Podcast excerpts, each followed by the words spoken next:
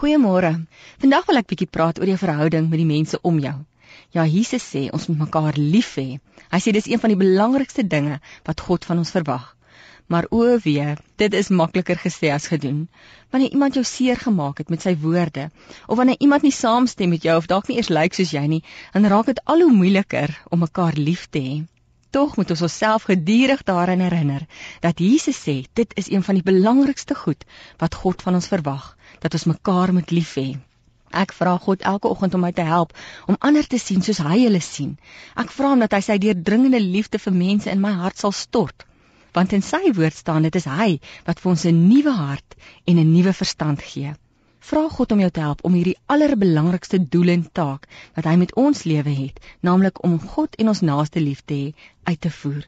Daar's 'n staaltjie wat vertel van 'n man wat bid: Here, ek het met nog niemand vandag lelik gepraat nie.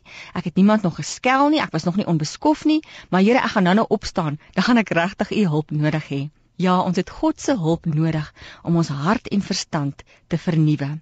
Weet jy, dit is waaroor die lewe gaan, oor verhoudinge. So dikwels staan ek as predikant langs die sterfbed van iemand en nog nooit het hulle vir my gesê as ek nog net in daai motorkar kon ry, as ek nog net op daai koppie kon bly. Nee, almal sê vir my as ek maar net meer vir my vrou gesê het, ek's lief vir haar, as ek maar net meer aandag aan my kinders gegee het. Dit is wat sin gee aan die lewe. 'n verpleegster met die naam Brandy Ware. Sy's 'n Australianer. Sy het met terminaal siek mense gewerk die laaste 12 weke van hulle lewe. En sy het naderhand 'n lysie begin maak oor wat hierdie terminaal siek mense sê is dinge waaroor hulle spyt is wat hulle nie gedoen het in hulle lewe nie. Luister bietjie na hierdie lysie. Bo in die lysie is: Ek moes nie so hard gewerk het nie. Ek moes meer aandag aan my geliefdes gegee het. Sy sê hierdie mense wat op hulle sterfbed lê sê ek moes my drome nagevolg het. Baie keer dan stel iets ons te leer wanneer ons ons drome navolg en dan bær ons daai droom diep weg. Sy sê mense sê hulle moes hulle drome nagevolg het.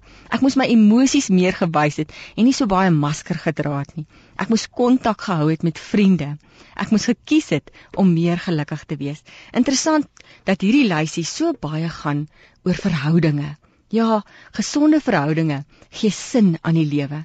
Iemand het eendag geskryf: "Gereed of nie, Eendag gaan jou lewe tot 'n einde kom. Daar gaan nie meer sonsopkomste wees nie. Daar gaan nie meer ure of minute in die dag wees nie. Alles wat jy bymekaar gemaak het of gekoester het, sal vergeete wees of aan iemand anders behoort.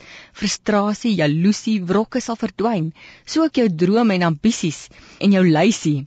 Wen of verloor sal nie meer saak maak nie. Dit sal nie saak maak waar jy vandaan kom of jy briljant of beeldskoon was nie. Selfs nie jou geslag sal saak maak nie. Wat sal saak maak is die verskil wat jy in ander mense se lewens gemaak het. So wees lief vir mense. En liefde is 'n werkwoord. Tel die telefoon op, skryf 'n brief, gaan kuier en wees lief vir die om jou.